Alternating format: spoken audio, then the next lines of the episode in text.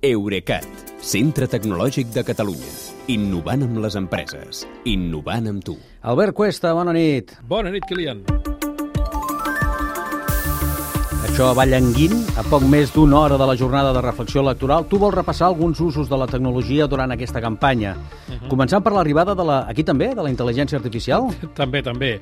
Uh, ja fa anys que els partits fan servir algoritmes a la sala de màquines uh, per analitzar tendències, per fer pronòstics i fins i tot per allò tan lleig de desplegar exèrcits de bots a les xarxes.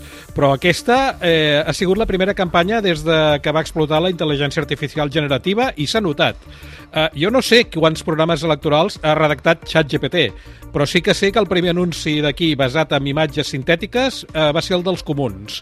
En el vídeo uh, s'hi contraposen imatges de com seria un municipi, diguem-ne, idíl·lic, amb d'altres d'un futur apocalíptic, uh, i totes les imatges estan creades amb l'aplicació Midjourney.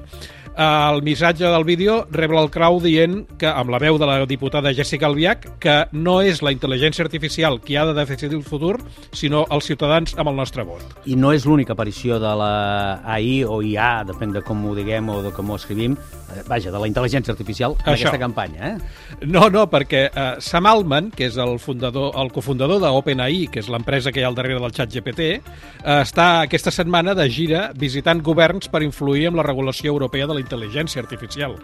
I com que el semestre vinent la presidència europea li toca a Espanya, el Altman va passar dilluns per la Moncloa per entrevistar-se amb Pedro Sánchez i Nadia Calviño i, és clar, el primer ministre espanyol es va afanyar a publicar a Twitter un vídeo de tots tres. Diria que, o diríem que és normal que ho fes a Twitter, no? Que tradicionalment és la xarxa social de la política. Doncs sí. Continua Sí, sent-ho, sí. però tu has vist una evolució a pitjor. És una impressió, eh? Aviam, els partits sempre trien xarxa en funció de quin perfil s'adrecen. Per exemple, a TikTok s'han vist vídeos de candidat fent clarament el ridícul. Uh, en el cas de Twitter, jo tinc la impressió, ja et dic, que les postures s'han radicalitzat i potser és perquè són les primeres eleccions des de que la xarxa és propietat d'Elon Musk. Sense anar més lluny, aquell debat dels set alcaldables de la capital que veu emetre aquí a TV3, Sí. Uh, aviam, jo, com que no visc a Barcelona, confesso que el dimarts, dimarts no vaig escoltar-lo. Uh, però el que sí que vaig fer és seguir l'etiqueta oficial a Twitter, aquella de debat TV3 Cat Ràdio, i em va semblar que hi dominaven sobretot, per una banda, els tuits favorables a cada candidat emesos pel seu equip oficial i per l'altra els, més, els tuits més agressius i de baix nivell eh, diguéssim, cultural, lingüístic i d'educació publicats pels seus detractors. Eh, però el que vaig trobar a faltar és una àmplia capa de, de contingut, diguéssim, més analític o, de, o menys respectuós que hi havia entre, un, entre una cosa i l'altra amb les convocatòries anteriors.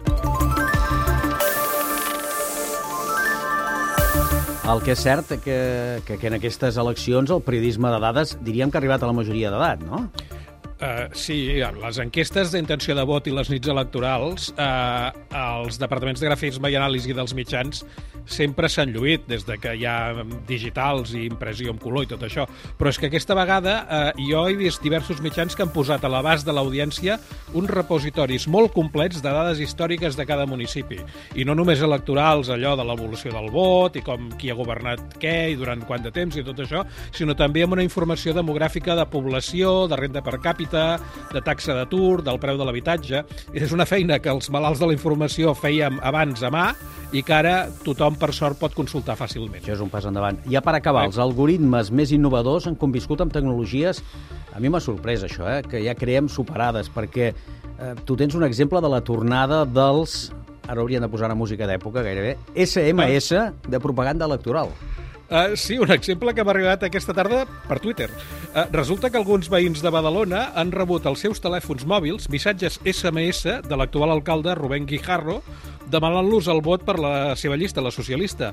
I més d'un d'aquests ciutadans ho ha trobat una intromissió intolerable i fins i tot dubtava a Twitter de que fos legal.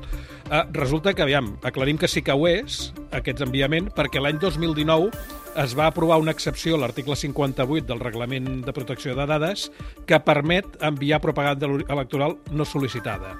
Però a mi en aquest cas d'avui em grinyolen dues coses. La primera és com deu haver aconseguit el partit o la seva agència de màrqueting, que per cert té la seu a França, eh, els números de mòbil de votants específicament badalonins, eh, perquè és l'alcalde de Badalona adreçant-se a votar a gent que el pot votar. I la segona, que hagin optat per enviar SMS, que és el que deies tu, eh, són un canal en desús, sobretot a les campanyes electorals, perquè eh, enviar-los surt força més car que altres serveis com WhatsApp. Jo crec que potser diumenge es preveu un resultat tan, ajuntat, tan ajustat que volen escurar fins l'últim vot, fins i tot el de gent que no fa servir WhatsApp. Tot podria ser. Bé, Tot. doncs que vagi molt bé el cap de setmana electoral. Igualment, Kilian, fins dilluns. Dilluns. Eurecat, centre tecnològic de Catalunya. Innovant amb les empreses. Innovant amb tu.